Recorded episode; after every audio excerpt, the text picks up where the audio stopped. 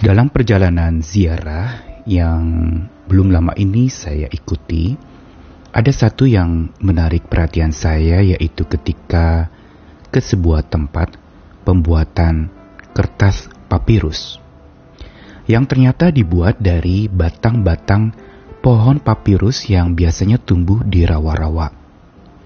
Dan batang itu mengandung banyak air. Untuk itu lalu batang itu diiris tipis-tipis, sangat tipis, lalu kemudian dianyam.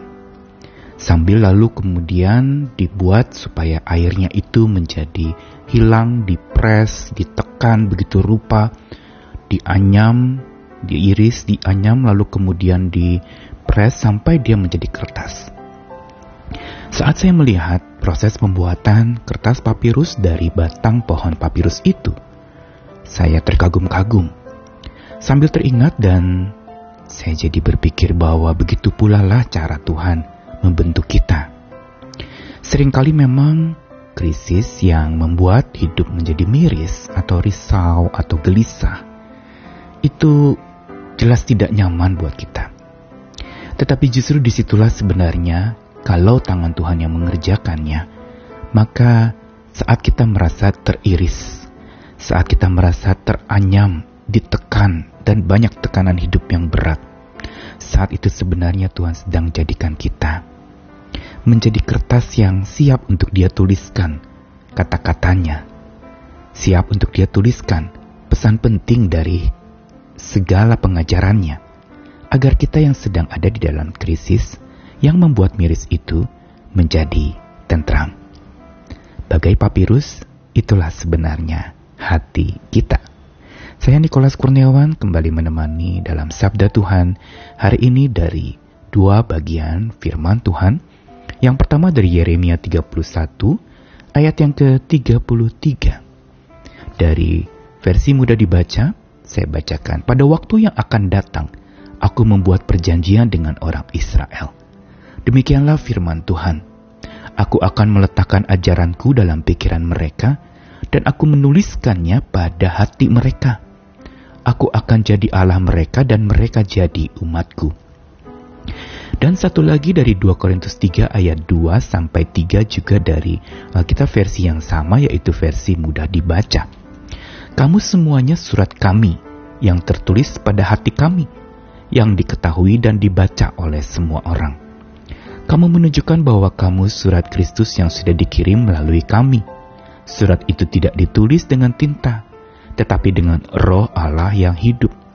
Surat itu tidak ditulis pada batu, tetapi pada hati manusia.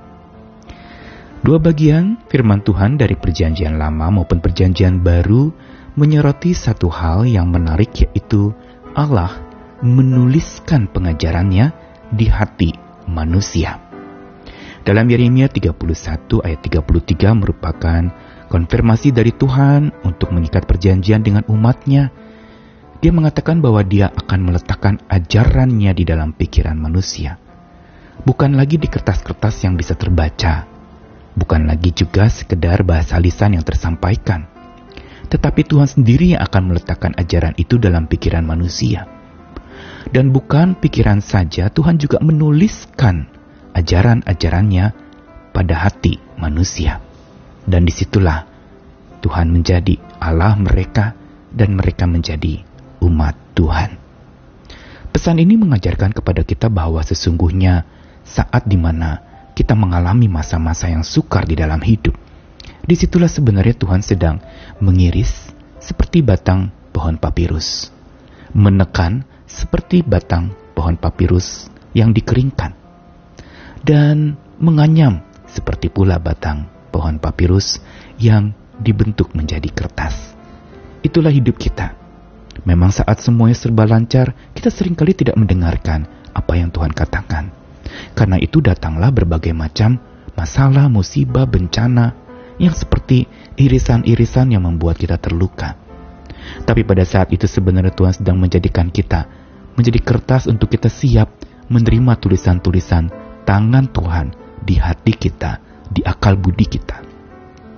Dan ini terkonfirmasi di dalam surat Paulus kepada jemaat di Korintus yang kedua. Dikatakan bahwa kamu semua surat Kristus. Dikatakan bahwa umat Tuhan itu adalah surat Tuhan yang dikirim melalui para rasul atau para pengajar-pengajar itu.